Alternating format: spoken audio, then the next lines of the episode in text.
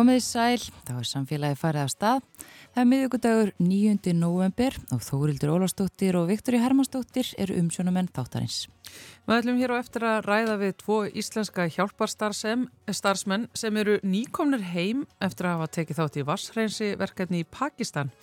Þar sem kröftugar regningar hafðu valdið einhverju mestu flóðum í manna minnum. Neðar ástandi var líst yfir 10 miljón manns eh, hafa hrækast á flóta og 2 miljónir farist. Hamfariðnar eru raktar til eh, loftlasbreytinga, landið er jú fjölment og innviðir hrundu algjörlega í flóðunum að koma á hreinu vatni, lífsnöðsin, meira um þetta hér á eftir. Skaðamingandi nálgun hefur verið mikið í umræðin undarfarið. Nýlega voru stofnuð samtökin Mattildur Skaðamingun sem hafa það að markmiði að auka þekkingu og vinnaða framgangi, framgangi skaðamingandi yngripa og úrræð á Íslandi auk þess að standa vörðu um mannréttindi jáðasetts fólks. Þá engum þeirra sem glýma við výmöfnavanda og eða heimilsleysi. Hún Svala Jóhannesadóttir er sérfræðingur í skadamingun og hún er líka eina stopnundum samtakana. Hún kallar að koma til okkar eftir og, og ræða þessi mál.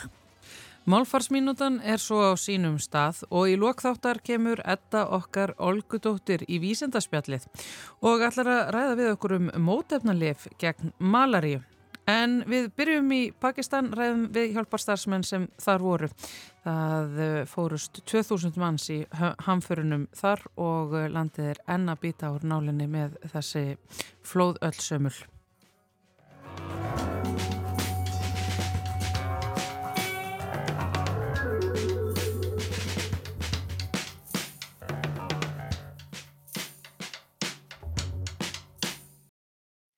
Neðar ástand skapaðist í Pakistan í sömara völdum flóða. Það var stór hluti landsins umflotin vatni og erfileikar íbúuna afar miklir. Þeir eru sestir hérna hjá mér, tveir menn, hjálparstarfsmenn, Ólaf Loftsson og Orri Gunnarsson sem að tóku þátt í vasshreinsi verkefni í Pakistan og vegum almannavarna Norðurlanda en e, það eru náttúrulega regningarnar e, sem sköpuðu flóðin sem hafa valdið þar e, miklum vandamálum og Ólafur og Orri eru sestir hérna hjá okkur í samfélaginu. Sælur veriði? Sæl. Ný komnir heim frá Pakistan, sko, hvernig eru það að lenda? Bara ágætlega, það er náttúrulega mikill menningamunur hittastegsmunur, tímamunur og, og eins og alltaf fylgir þegar flóið milli heimsálfa en það tekur daga að tvo að jafna sig á, á, á tímamismunum en, en það náttúrulega sittur eftir hérna ymsar svona huleðingar um, um ástand heimsins mhm. -huh. eftir að hafa heimsótt svona hamfara svæði. Hvað er það sem mætir ykkur þarna í Pakistan? Já, þegar að, uh, ég kom á staðin að þá var, uh, þetta er verkefni umverulega sem að uh, Danir byrja á, almannavarna deilt í Dalmörku Díma, þeir eru búin að vera með þetta verkefni í gangi í mánuð, fyrir síðan þurft að hætta að reynsa vatn. En með því að fá liðstyrk frá okkur í Íslandi, Nóri og Svíþjóð að þá var þessu haldið áfram í annan mánuð þannig að það tókst að gera þetta í tvo mánuði. Mm. og þegar ég kem að þá erum við raunverulega að ganga inn í eh, verk sem að er í gangi. Þannig að við fórum, gengum bara í þau stöður sem þurft að vinna vinna og voru raunverulega hafinn þetta er heilmikil eh, framleysla sem við erum í, þeir eru að framleiða 60, 70, 80 þúsund lítra vatni á sólaring og þetta er kyrti í gegnum uh, vélar, það eru dælur, það er alls konar búnaður þessu þarf öll að halda við og reynsa og þrýfa og svo þarf að dreifa vatninu og þetta voru svo verkefnin. Er þetta þá við bara við það bara allt nýsluvatn mengaðist út af flóðunum eða hva, hvernig stendur á því að það þarf að fara í svona heljarina vassreinsi verkefni? Já, nýsluvatnið mengað og dreifileðnar úr, úr skórðum gengnar fólk á, á flótta og, og í búðum þar sem ekki var búið áður. Uh, já og, og svona fátakt mikil skemdir innviðir mm. og já bara almennt bátt ástand. Já, og svo fylgir það líka að, að, að vatni sjálft sem að var til staðar, brunnar og annað, þetta fyrir allt úr skorðum þegar að flóðin koma og e, það múi kannski segja að sko, þannig er svakalega heitt, það er held ég aldrei lendi af stöðugu við það farið á æfinni, það er bara 40 stig í allar þessa viku sem ég var. 40 stig hitti alla daga. Og þetta er alveg kjör aðstæði fyrir alls konar óþverra til þess að, að menga vatn. Já. og vatnið á vatnið flóða, vatnið sjálft á bara eiginlega enga leiði burtu þannig er ekki að síga í jarðveginn og það er enþá þarna alveg stór svæði enþá um flotin vatni og eina sem að raunverulega getur tekið vatni í burtu er bara sólin og uppgöfun Þannig að þetta tekur svakala langan tíma en er samt aðeins að jafna sig og vaskæðin sem að þeir sjálfur búa við, svona öllu jafna, er svona, þetta er að færast í betra horf. Sko, e, e, er þetta einhverja aðstæður sem að, að, að þið gáttu gert ykkur í hugulund sem Íslandingar áður en þið fóruð þarna út? Eða eru þið bara, eru þarna einhver svona náttúrulegumála verki sem þið bara gáttu ykkur ekki, ekki gert ykkur í hugalund þetta sko við erum svo vönið hérna að vatnin fellur niður og svo bara rennur það áfram og við getum bara nýtt það í, í alls konar og það er reynd og, og gott og gefur okkur, gefur okkur eitthvað af sér. Já, við höfum nú báðir unnið að ímsum verkefnum um allan heim og, og á svæðum sem er já, svipað ástand. Einnig í eðimerkur landslægi í, í uh, svona já, strandsvæðum jáfnvelin í, í svona nákvæmni frumskóa já. þannig að, að þetta er ekki ósvipað og þekkist til dæmis frá Bangladesh já. eða já það sem að aðrar náttúru hanfarir hafa reyðið yfir og það er náttúrulega eitt af því fyrsta sem þarf að ganga í er að tryggja örugt nýsluvatn þannig að þetta eru þekkt viðbrögð að rinsa vatn sérstaklega og, og dreifa því á mikilvægustu innviði landsins eða sveitarinnar þar sem við erum stattir þá í, í, til uh, helbreyðistofnana, mm. í skólana og í flottamannabúðir sem að hafa ekki aðgangaðan einum öðrum innviðum Já. en þetta er rétt, þetta er hérna gríðarlega frábröðu því sem við höfum að þekka Já, þetta er svo skrítið einhvern veginn að jörðin takk ekki við vatninu og það fljóti ekki burtu og það bara sé þarna. Ja, sko, þetta er, í ofanlega er þetta alveg marflatt. Já. Þannig að það er, er, það er ekkert sem að ítir burtu svo virðis mér, sko, jarðvegurinn hann er mjög leirkendur, þannig að þetta verður bara eins og vatni líki ofan á og tappa, þannig að jörðin bara tekur ekkit við og þetta bara fer ekki niður.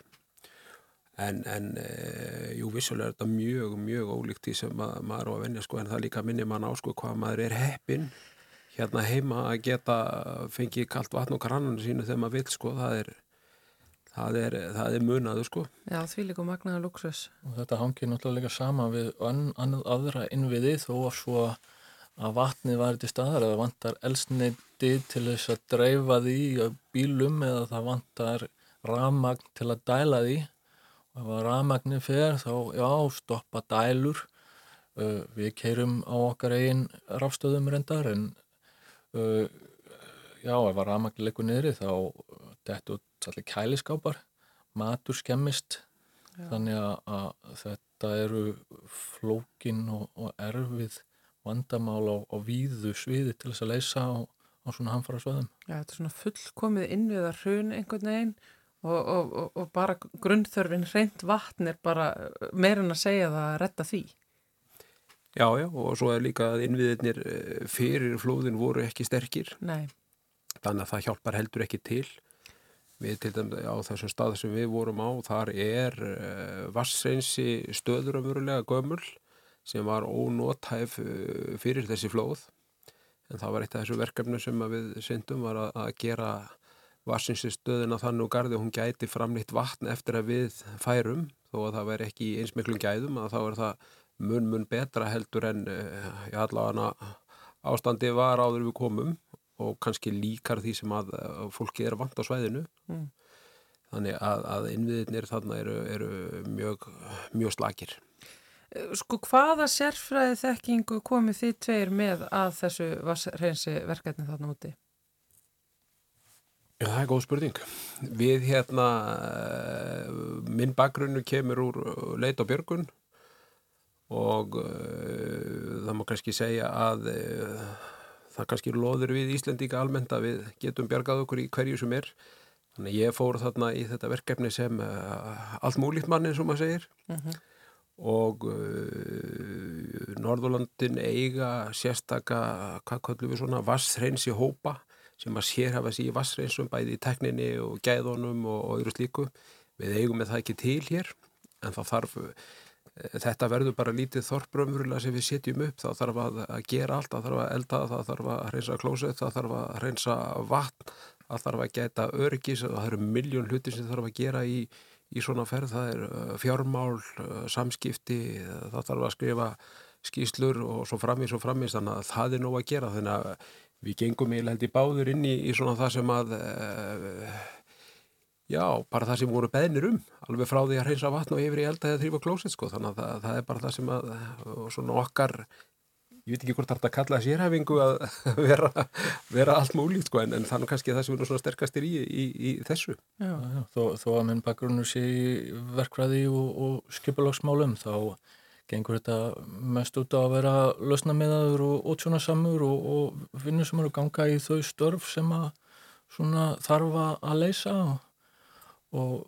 já, þar kemur til góða reynsla úr, já, ég hef vennið sem sendirfulltrúi hjá Rauðakrossinum á ymsum svæðum við svipuð mál, svona tæknimál almennt og renna svolítið saman í þessu umhverfi, já. hvort sem það er umsjón tjálbúðana eða flutningur eða pökkun í gáma eða... Þannig að allt múlik hæfuleikin er bara svolítið krafa hljómar. En það er svo sem líka kannski að það er ekki hlaupið að því alltaf að stökka til í svona með, með, með stuttum fyrirvara og þá takkifæri til að þakka mínu vinnuveitanda að vafa svo rákjöf fyrir að hleypa mér í svona verkefni með, með stuttum fyrirvara. Og, og já, þeir hafa verið leiðilegir í því en, en þetta eru mikilvæg mál að leysa og, og hérna, já, gott að, að hérna, Íslandingar geta séð af sínu svona fjölhæfa fólki í svona verkefni og ég held að það hefur mjög vel þegið hjá okkar ágætu kollegum, kollegum á Norðurlöndum að fá okkur í hópin. Já. Áttu þið í einhverju samskiptum eða, eða sáu þið til almennings í landinu þeirra sem bygguðu þarna? Já, það er hérna, var einmitt svolítið öðruvísi með aðrar, aðrar svona ferði ég ferði í að, að við upplöðum okkur alltaf mjög örga þannig að við fórum oft út úr þessum, við kallum þetta búðir, þetta er svona afgýrt svæði þar sem við höfum aðganga vatni til að hreinsa Þannig við fórum oft út úr búðunum okkar bæði til að dreifa vatni. Við vorum með vasspósta mm. á nokkru stöðum, bæði við sjukrahús, við skóla og í flottamannabúðum. Og við fórum oft að kanna bara ástandi, eru, eru búnaðinu þar í lægi, er hann hreitn, eru vatnið að skila sér sko frá okkur til fólksins ómengað. Það er að segja að það er jafn gott frá því að fer frá okkur þángar til að fólki fari vatnið Við fórum líka að var veist í matinn og við, þannig að það var svona öðru vísi. Ég var á Haiti í fyrra og, og þar fór maður aldrei nokkuð tíman út fyrir ramman gististaður vinna aldrei. En þarna fórum við út nánast daglega að sinna þessu störfum og ég held ég hef bara aldrei eh, verið jafn miklum, eh, ekki samskiptum beint en aldrei eh, verið jafn mikið út á meðal fólksins og úskaplega vingjartlegt. Mm við erum alveg snjókvítir og ekki vakti það litla, það vakti mikla aðtegling gaman og krakkarnir endilega að fá að taka hendina okkur og snert okkur og, og úskapla glæðileg, allir mjög glæðilegir og þakkláttir, þannig að þetta var mjög gefandi að fara út og, og sjá svona raunverulega árangur af því sem við erum að gera. Já, sko af því að ég veit að þið eru og fátöku svæði sem að hefur farið afskaplega ítla úti í þessum hamförum, það er neðar ástand á svæðinu hefur verið mikið um sjúkdóma og, og, og bara eind og fátakt og allt það sem að getur verið eitthvað vest og fylgjur svona hamförum þegar þeir eru einmitt, veist, gangið svona inn í þessi samfélag verða í hjartað eða, eða, eða eru þið með skráp eða hvernig þurfið það að brenni ykkur? Um, maður veit af því að það er mjög margt í margt fólk í heiminum sem hefur það ekki eins gott á við. Um, það er líka lönd eru fjölbreytt innbyrðis, við vorum þarna í, í bæ eða borg sem heitir Kipró í Sintjeraði sem er svona tiltölega afskekt. Uh, lífið þar gengur aðeins öðru vísi fyrir sig enn í stórborgunum þannig að en jú, þetta eru maður veit af því fyrirfram og, og, og það eru alltaf viðbreyði að koma á staði sem eru svona, svona svakala frábröðir brugnir, brugnir því sem, að, sem að við búum við mm. Já, skráp og ekki skráp ég hérna þetta hérna venst eins og annað að fara inn í, í svona aðstæður en, en eh, við erum alltaf eh, og kannski nú bara líkillin að sína fólki bara 100% virðingu í þeim aðstæðu sem að fólkið er mm. og líka bara gæta sína að, að því að síðir og annað eru misjöfnir og milli landa og maður þarf að tilinska sér eh, nýja framandi síði í, í hverju landi og, og, og, og sömt líka manni og annað ekki sem gengur en ef maður fer bara að þeim síðum og vennju sem er á hverjum stað og eins og ég segi og síni bara fólki síni fólki bara þá verðingu sem það skilja þá uh, ég veit ekki, þetta er svona já, þetta er ekki sagt stundum þetta er vond en það venst já, já. Þetta, þetta er kannski svolítið þannig sko en minnir mann líka alltaf á eins og ég sagði áðan hvað við höfum var svakalega gott mm. og, og þegar maður kemur heim ég kom heim að þá var það fyrsta sem að blasti við mér í símanum sko voru einhver svona eitthvað, eitthvað röflu, eitthvað dægu þrás hérna heim á Íslandi og kuldin, það var vel þegin Já. en ég hugsaði einmitt sko það er gott að hafa eitthvað eigast um hérna heima þegar þetta er að gerast einhver staður út í heimi sko hvað, hvað við erum raunverulega lánsum Já. Já, það er eiginlega stundum bara erfið að koma heim heldur en að vera hann úti og, og, og hafa já, sett hlutina í starra samhengi og, og hérna sjá að svona okkar dælu vandamál eru svolítið hljómi í samaburðinum. Já, ég get ímynda með það. Sko núna eru náttúrulega þessar hamfari sem að verða þarna í Pakistan náttúrulega tengdar beintu loftlagsbreytingarnar um, og það er einmitt verið að tala um það á loftlagsrástefninu í Egiptalandi þessa dagana að fólki sem hefur alla þræði hendi sér það ætti rauninu að fara og gera það sem þið eru að gera, sjá það sem þið eru að gera sjá þetta bara einhvern veginn hvernig þetta blasir við fólkinu sem að, hérna, verður fyrir þessu á fyrsta hendi, færi þetta bara beint í hausin á sér. Annað heldur en nefnitt eins og þessi að segja við sem erum svo heppin. En það er náttúrulega mikið verka að vinna og, og við breytum ekki heiminum til sko, langframma með svona viðbragsverkefni Já Náttúrulega Pakistan er fymta fjölmennasta landi í heimi og það búa hátt í 300 miljónir. Þannig að svona viðbrað við hamförum breytir ekki stóra samhenginu í, í alheims áætlunum um já, viðbrað við loftlagsvonni. Og það þarf að takast á, á, á stærri skala og með já, yngrypum og aðstóð við langtíma uppbyggingu innviða, mentakerfis og helbreyðisjónustu helst allt í hendur já. Sko, nú er þetta ekki svona fyrsta sendifjörun sem að þið farið í og það er greinlega eitthvað sem að dregur ykkur svona aftur og aftur í svona verkefni þegar þetta kemur ykkur uh, upp á þegar þetta býðist, þegar þið getið stokkið til í, í, í samingi náttúrulega við bara veist, vinnu og, og störf og, og fjölskyldu hér heima. Um, er þetta veist, sjáu þið fyrir ykkur að þið gerið þetta bara aftur og aftur farið inn í erfiðaraðstæður uh, í viðbræði eftir hræðilegar hamfarir þar sem að þið þið vitið að einhver mætir oft bara mikill harmleikur, mikil erfileikar hræðilegur hiti erfiðar aðstæður til þess að bara vera í líkamlega Ég fyrir með fólk sem að vinna við þessi aðstæður alla daga hérna heima í lauruglu, slökkuliði, sjúkraliði og, og, og fleiri. Ég, allavega uh, er með vinn hjá að hluta til er með samning hjá viðbræstimi hjá saminu í þjóðunum og er alltaf tilbúin til þess að fara.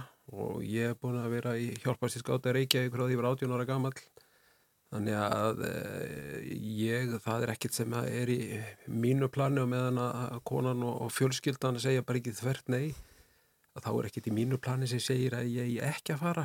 Já. þannig að ég e, sko, ég voru með spurða því þegar ég kom til Danmarku fyrir helgi hvort við værum tilbúin að fara aftur og þá held ég að spurningi væri sko bara fljótlega, neða þá var spurningin yfir höfuð því ég var svo sem alveg til ég að komist heim í, í styrtu og smá kulda á eitthvað en ég hefði gett að pakka niður og farið aftur. Já. þannig að, að e, já, ef það er þörf og maður gerir gagn það verður að vera fórsöndan sko, það er ekkit það er eðisla á tíma og, og fjármönum að fara ef maður ekki gera gagn en ef maður getur raunverulega lagt svona verkefnum lið þá er maður tilbúin Já, já, þetta eru aðkallandi verkefni en um leið mjög gefandi að vinna að þeim. Uh, það er náttúrulega áhugavert og sapnast upp upp að reynsla sem kemur sér að nótum og verður vermaðtari með hverri svona sendirfur og já, maður vonur alltaf að maður getur lagt meira og meira að mörgum eftir því sem maður fer oftar. Þannig að tvímala löst, þá maður reyna að taka að sér svona verkefni eftir því sem að aðstafu leifa. Já. Já, það er greinlega eitthvað sem stækkar ykkur við þetta. Og um, gott að vita af því að, að það er verið að leggja fólkinu þarna í Pakistan leið eins og ég segi þetta var um, og hafa verið alveg gríðarlegar hamfari sem hafa gengið þarna yfir þau núna síðustu misserinn um, Takk alveg fyrir komuna til okkar hjálparstarfsmennir Ólaður Loftsson og Orri Gunnarsson og velkonur heim. Takk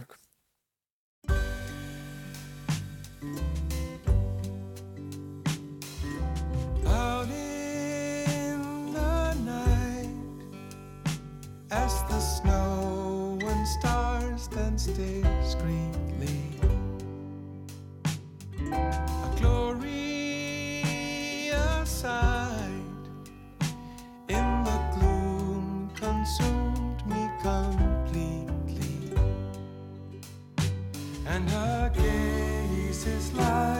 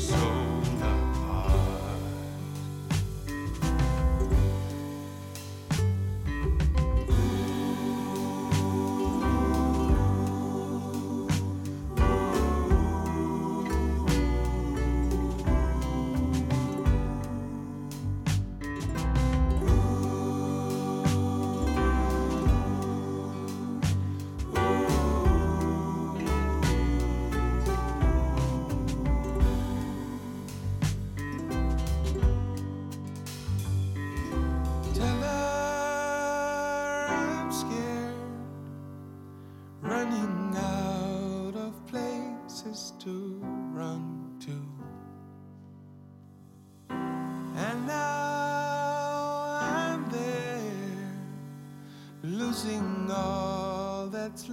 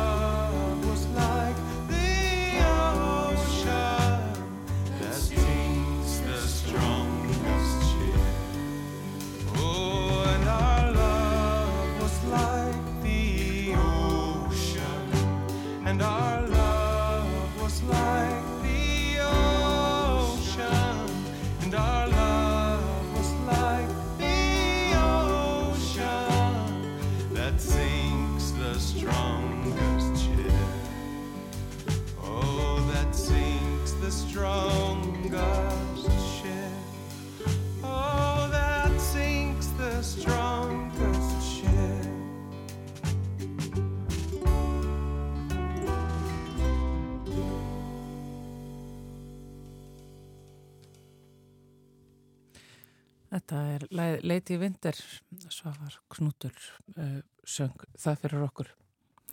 Skaðamingandi nálgun hefur verið mikið í umræðinu undafarið en íla voru stofnuð samtökin Mattildur skaðamingun.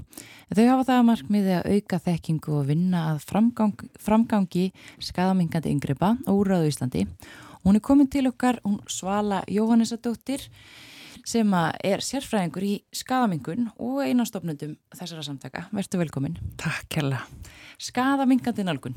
Getur aðeins bara sagt okkur í stuttumáli hvað er skaðamingandi nálgun? Já, í stuttumáli.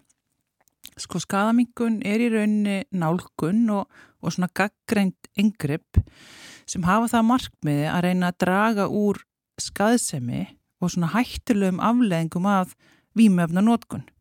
Og þá erum við að tala um öll vímefni, bæði löglega vímefni eins og áfengi og svo ólöglega vímefni. Þannig að markmiði skadamingun er alltaf að reyna að draga úr þessum neikvæða afleðingum sem fólk getur orðið fyrir við nótkunna og, og undirliggjandi markmið eru svona fjögur, það er fyrst að bara reyna aðstofa fólk við að halda lífi. Og síðan er að reyna að draga úr semst óafturkráð skada uh, að viðhalda heilsu fólks og lífskeðum og bara svona almennt að reyna að huga að velferð fólks. Þannig að markmið er alltaf að uh, reyna að draga úr, já, skaðsemi og svona hættulegri aflengu í stað þess að reyna að fyrirbyggja sjálfa nótkunna. Mm. Vegna þess að það er í rauninni allt annað, hvað segir maður, svona konsept. Um, ef fólk, við vitum bara út frá rannsóknum og gögnum að ef fólk ætlar að nota vímöfni að þá muna öllum líkitum gera það.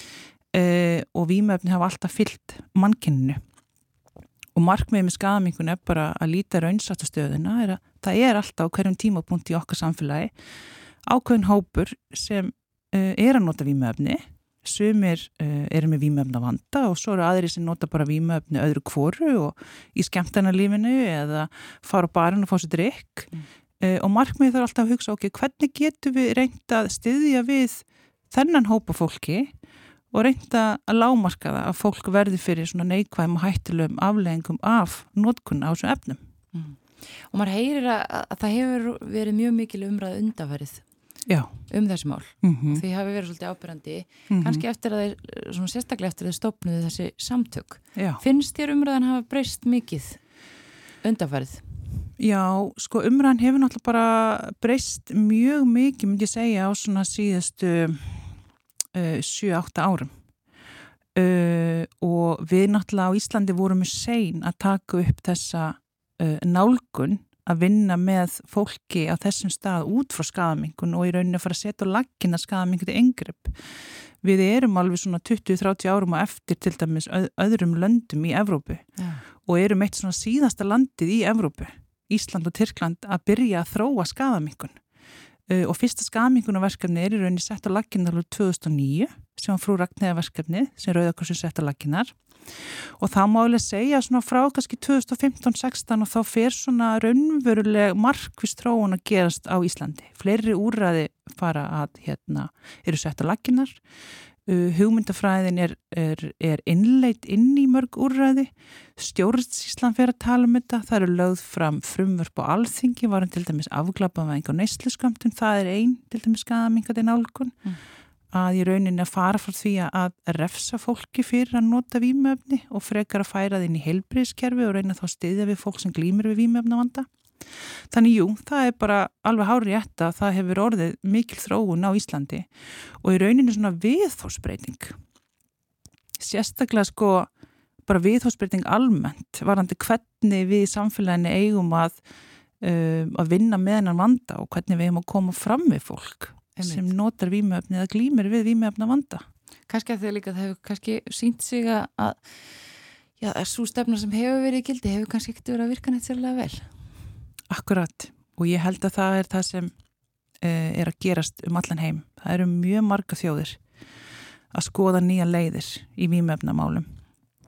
Uh, annarkvort uh, að breyta löggefni sinni eða setja fram ný úrræði eða nýja stefnu og Ísland er bara eitt af því. Við erum í þessari skoðun og greiningu og ég held að við sem komin á þann stað allavega sem er ansóknir frá félagsvísandastofnun sína okkur í háskólanum er að meirlutu fólk á Íslandi vill í rauninu breyta löggef og vill í rauninu nýjar áherslir í výmöfnamálum og eitt af því er þessi áglapavæng og neysliskamtum og meiri áhersla á skadamingandi þjónustu.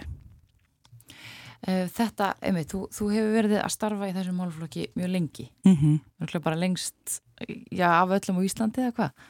Ég veit það nú ekki, Nei, en svona, en ég svona byrjaði fyrst í konukoti árið 2007 og svo hérna var ég svo heppin að fá að stýra frá Ragnæðaverkefnur höfuborgsvæðin í fimm ár og koma vettvangsþjónustu hjá Reykjavíkuborg fyrir heimilslausa og, og svona eitt og annað. Mm.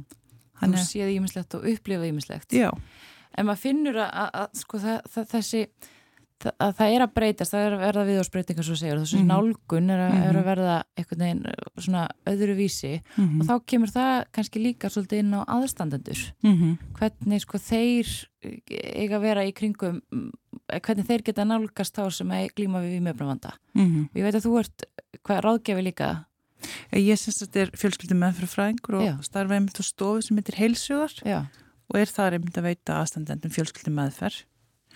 Uh, jú, uh, það er kannski svona ákveðin viðhóðsbreyting þar að gerast en hún er mjög hæg.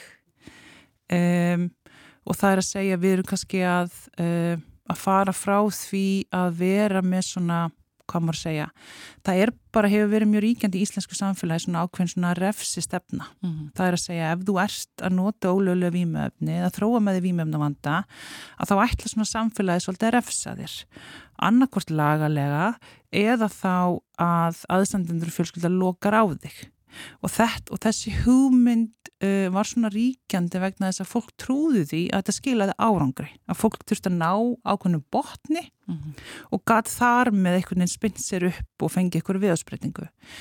En við vitum bara út frá rannsóknum að, að þetta virkar ekki svona. Vímöfnavandi er með flókin vandi og er oft samþættur vandi. Vímöfnavandi er oftast bara byrtingamind af annars konar undirleikindi vanda sem fólk er að glíma við. Um, það að aðstandendur haldi til dæmis tengslum og einhvern hátt við sinn aðstandanda sem er svona veikur skiptir gríðarlega miklu máli og það er að halda þessari líflínu. Mm. Uh, það skiptir mjög miklu máli að fólk setja sér mörg að þetta er oft mjög krefjandi aðstæður sem aðstandendur eru að glíma við já. og mörgin eru ólík eftir foreldurum og fjölskyldi um, en að halda líflínunni að vita að einhverjum sé ekki sama, að einhver elskiði og það býði þín eitthvað ef eða þegar þú kemst út úr þessu. Mm -hmm. Það er það sem skiptir svo miklu máli fyrir einstaklingi sem eru að glíma núna við vímöfnavandan. Og svo eru auðvitað aðstæður mjög flóknar og, og fólk þarf auðvitað að setja öryggisitt í fyrsta sæti ef það er eitthvað þannig. Um, en ég held að viðhósbreytingi sem við erum að sjá, bæði bara varandi innlegging og skadamingun, varandi um, fjölskyldum meðferðina Mhm. líka, er að við erum að leggja áherslu á í rauninni ást og ummyggju og skilning. Og það er þessi mýkt. Það er að það sé tala við fólk af virðingu og afskilningi. Og við reynum að líta á manneskjuna í rauninni ekki sem vonda mannesku, heldur mannesku sem eitthvað kom fyrir. Og það er öll þessi nálgun sem er svo grundvöldu í skadamingandi nálgunni er að mæta fólki raunverulega þar sem það er statt bæði sko hvað sem það er statt bara á hvaða staða er Mhm. þjónustan kemur til þeirra og við reynum að lámarka allar hindranir að þjónustu en við reynum líka að mæta fólki á þeim stað sem er hugafarslega er þetta alltaf hægt? Þetta er vissulega oft flókið Já. en þetta er fókusin. Við reynum að halda okkur innan þess ramma og ástæðan fyrir því er að þessi nálgun skila bara miklu meira árangri heldur en það að við förum að vera í hörskunni og að refsa eða að tala niður til fólks eða vera svona á háa síðan eða svolítið ákveðin. Mhm. Það, þar er við raun að virkja varnakerfi fólks sem gerir það að verkum og það þarf einhvern veginn að berjast fyrir því að, að verði ekki fyrir særendum. Mhm. Uh, en það eru þessi tengl sem skipta máli. Uh, mér finnst til dæmis bara mjög persónulega mjög vond og ég held að flestum finnist vond að tala við fólk sem það upplifir að það tali til sín af vannviringu eða hörku. Mhm. Maður reynir svona, maður vil helst ekki vera í samskiptu við þannig fólk sem lætur maður líða illa. En ég er hins vegar mjög mikið til að eiga samskipti og tala við fólk sem tala við af virðingu og einlega um áhuga og síni með skilning. Og það er í rauninu bara þetta, þessi nálgum sem við erum kannski að reyna að aðstofa aðstandendu með en líka bara starfsfólki úrræðum. Og í rauninu er þetta bara samtalið sem við erum að reyna að eiga við allt samfélagið. Já. Þetta snýst í rauninu um, já, bara virðingu. Já, það er bara grunnurinn að því og við höfum skilning á því að aðstæður fólks eru flóknar og þetta er orsakasamingi. Það er engi sem þróa með sér vímefnavanda í tómarúmi. Nei. Þetta er oft löng saga, um, oft mikil áfallasaga baki og alls konar hluti sem hafa gerst á lífsleðinni sem gera það að verkum og þú er komin á þennan stað. Og út frá þeim skilningi að þá viljum við að sjálfsögðu svona mannúlega nálgun og það er hluti af skamingun. Skamingun er í rauninu bara grunninn líðheilsu yngripp, svona ákveðin öryggis yngripp og svo bara mannúga hvers fólki sem notar vímöfni. Og þú hefur verið að fara og, og, og, hérna, og fræða, heilbyrðistarsmenn og, og hvað bara víða um samfélagið. Já, ég hef sem sagt, ég bæði með sem sagt opin námski í endumöntun sem bara allir geta komið á og það er einmitt mikið af starfsfólki bæði í heilbyrðiskerfni og félagslægkerfni sem kemur. Svo er ég svo heppin að fá að, hérna, að halda námski fyrir velferðsvi Reykjavíkuborgar uh, og svo bara já, fer ég á fjölmarka staði og er einmitt að kennum skadamingun og, og einmitt þessa viðhásbreytingu og, og hvað eru rannsóknir að sína okkur varandi þá nálgun sem hefur í rauninni uh, meiri árangum gakt fólki. Mm. Þannig að þetta, þetta, og það hefur verið að skilja sig kannski því að það hefur gengið þá betur fyrir til dæmis heilbyrðistarsfólk og hérna að í raun og veru að vinna með þessum hópi sem er stattur á þessum stað. Með þessari nálgun þá heldur en áður. Já og ég held bara að það eru mjög, það eru bara fjöl, það er alls ekki bara ég, það eru fjölmargir aðilar sem hafa lagt sitt á mörgum og við erum náttúrulega með ofsalega mikið af flottu starfsfólki inn í úrræðinum okkar, bæði í helbris og velferðstjónustunni sem eru uh, miklir og öflugir málsvarar. Við erum líka með notendur sem er að stíga fram núna og segja sögu sína, bæði í fjölmjölum og eru svolítið að láta rödd sína heyra varandi skorta úrræðum. Uh, við erum líka með aðstandendur sem koma fram og tala um mikilvægi þess að það sé komið fram við þeirra fólk að virðingu. Þannig að mjög margir hafa uh, lagt sitt á mörgum og ég held bara með stöðu málsvarastarfi og svona stöðu til dæmis aðhaldi við fjölmjöla. mm -hmm. Hvernig er talað um hópin og svona að uh, það eru bara mjög margir í rauninni sem er að koma að þessu sem hefur valdið því að það hefur verið ákveðin svona viðhósbreyting í íslensku samfélagi Mm -hmm. og við höfum náð svona, svo ég segi ofta snúa þessu skipi við og átta okkur því að við viljum kannski fara nýja leið, við viljum fara þessa mannúlegu leið Mm -hmm. og við viljum leggja áherslu á skadamingun og gaggrindar aðferðir. og einmitt þetta, sko fólk er að stíga fram og um, fólk í vím, sem er með vímöfnum, það er að stíga Já. fram og segja sína sögur, Já. aðstandu þeirra þetta er eitthvað sem að ég hefði kannski ef það hefði komið fram fyrir ykkur ára, það hefði jafnvel verið hlusta öðru í sig á það það, það, það er eins og það sé sko, Mhm. þessi viðhórsbreyting ná líka þanga, fólk er kannski að hlusta betur Einmitt, og ég held að það sé hárrétt, ég held að við séum á þeim stað núna í íslensku samfélagi að það er meira rými fyrir fólk með persónlega reynslu að koma fram og segja sögu sína og reynslu sína. Mhm.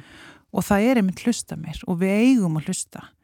Uh, fólk sem á þessa reynslu eru sérfræðinganir það er fólki sem hefur farið gegnum uh, öll þessi úrræði í kerfinu. Uh, hefur átt samskipti við aðila í kerfinu margóft þekkir að vegi reynslu að vera kannski heimilislaust eða glíma við geðraskanir eða vímefnavanda og þetta er í rauninni sérfrænga sem við eigum að vera að hlusta á og starfshópar og stefnumótunar aðilar eiga að uh, leggja sér þetta mörgum að ná til notenda og fá þau með í lið í allir stefnumótun og svona starfshópum sem tengjast þessu málaflokk. Mm -hmm.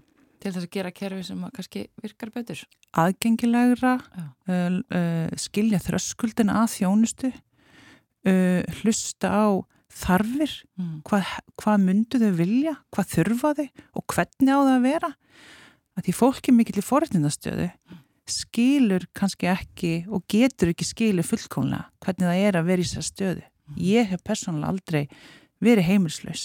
Ég veit ekki nákvæmlega hvernig það er. Uh, þess að skiptur svo miklu máli að ég uh, hlusti á og tali við fólk af virðingu og hafi einlega en áhuga því að reyna að skilja hvernig er lífið, hvað liggja þröskuldanir og þannig getur við reynd að hafa áhrif á í sammenningu að betri úrræðum og aðgengilegri úrræðum. Mm. Kannski bara svona rétt í lókin. Já.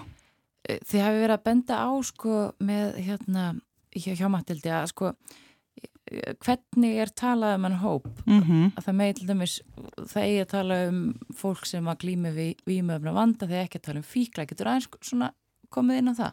Já, sko hluti af viðhósbreytingunni er að við förum að tala um fólk af virðingu og skilning og það sem hefur verið mjög algengt kannski í íslensku samfélagi er að fjölmilar og bara almenningur á Íslandi hefur talað um fólk með výmefnavanda eða fólk sem er að glíma við fíknir öskun sem fíkla, sprautufíkla eða eitulifin og þessi orðanókun er bara mjög neikvægt gildislega það er að segja að með þessari orðanókun þá erum við svolítið að smækka fólk bara algjörlega niður í það aðtæfi eða þann vanda sem það er að glíma við.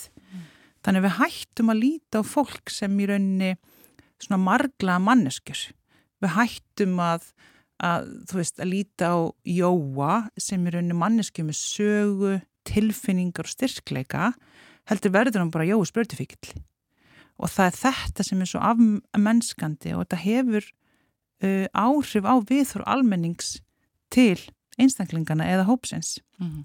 Þannig að það er mjög mikilvægt að fjölmilar og fólk taki upp svona hérna uh, people first orðanótkun Já. og það er að segja að þá tölum við um einstaklingar sem nota výmöfni fólk sem glými við gæðrannar áskoranir uh, fólk sem notar výmöfnum æð þannig að við erum að nota svona hlutlaus orðalag mm -hmm. og við erum að tala um fólk af virðingu og þá ertu bara einstaklingur sem glýmir við výmöfna vanda og svo ertu bara margt, margt annað. Já. Við myndum til dæmis aldrei tala um fólk sem er að klást við krabbamenn sem sigga krabbi Nei. eða sigga krabbamenn. Myndum ekki leiða okkur það. Uh, og það er sama þegar kemur að sko gehelbrísvanda þá verður orðið mikil þróun þar í svona mannúleiri nálgun. Einu sinni 1970 eitthvað fannst okkur í lægi að tala um sko jóa geðklofa en í dag myndum við aldrei segja það. Uh, vegna þess að hvernig við tölum um hópa, það hefur áhrif á viðþorf almennings og samfélagsins til uh, umræts vanda Mm. og þess að skipti máli að við bara öll saminningu tölum að virðingu og hlutleysi um fólk. Já, þetta er allt fólk. Já, og við erum öll bara mannskjur og, og hérna og það vilja allir upplifa virðingu og samkend að samfæra fólki sínu og þess að þurfa að vanda okkur um hvernig við tölum um fólk. Svala Jóhannesadóttir, kæra þakki fyrir komuna í samfélagið. Takk sem leiðis.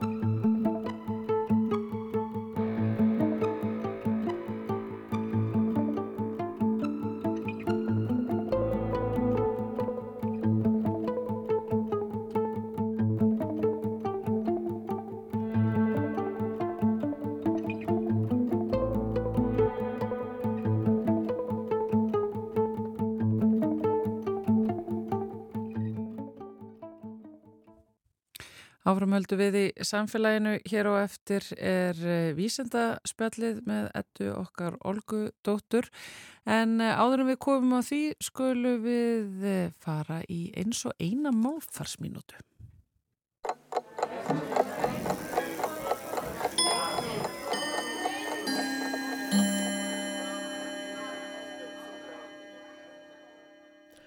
Hafið þið spáði að sum nafnorð eru aðeins notuð í föstum orðasamböndum og heyrast jafnvel aldrei í nefnifalli. Eitt slíkt er nafnorðið kyrþeir. Já, þeir eru kannski svolítið hissa á að heyra það í nefnifalli og að það reynist vera karlkinsorð. Við erum vörnið að heyra það bara í þáfalli með fórsetningunni í. Í kyrþei, oftast í dánartilkynningum.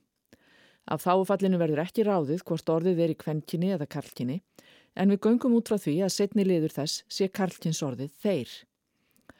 Kvenkinsorðið þei er ekki til, allavega ekki í orðabókum, en tæknilega séð stendur ekkert í vegi fyrir því orði. Nú verðist að hafa verið endurtúlkað sem kvenkinsorð í titli bókar sem heitir einfaldlega kyrþei, hún kyrþegin og það hljómar bara ágætlega.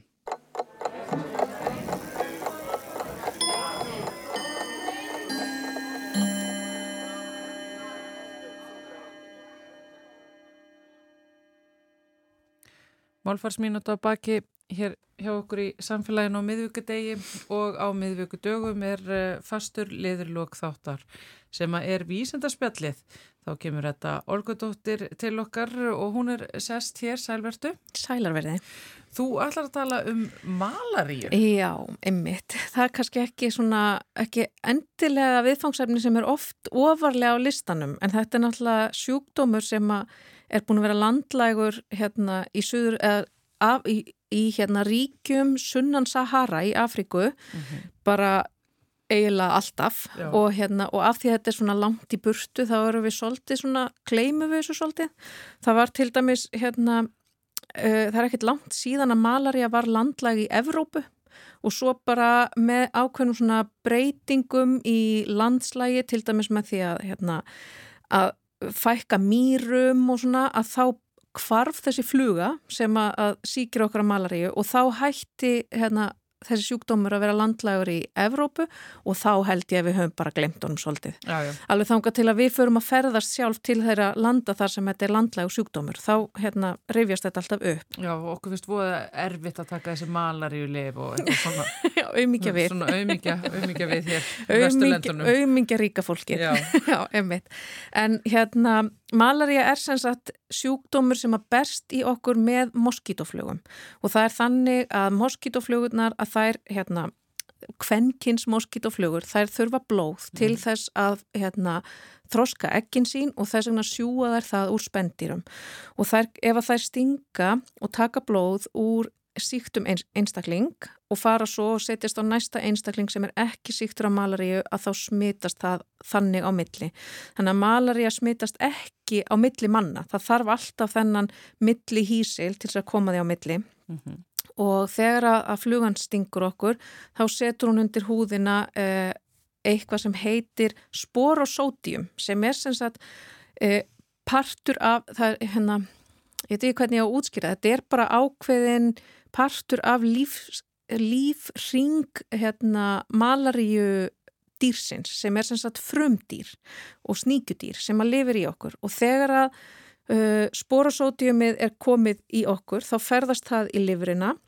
Þar klárar það að þroskast yfir í frumdýrið sem að heitir plasmodium, það eru nokkrar tegundir af plasmodium sem að valda þessum sjúkdómi, þroskast í lifrinni og fer svo út í blóðið þar sem það sest inn í rauðublóðkornin, fjölga sér þar og sprengir blóðkornin og fer yfir í næstu. Svolítið eins og vírusar gera, Já. af því að vírusar setjast einmitt inn í frumunar okkar og nota þar okkar hérna, frumu efni til þess að búa sjálfan sér til, sprengja svo frumunar og halda áfram að síkja inn í okkar líkama.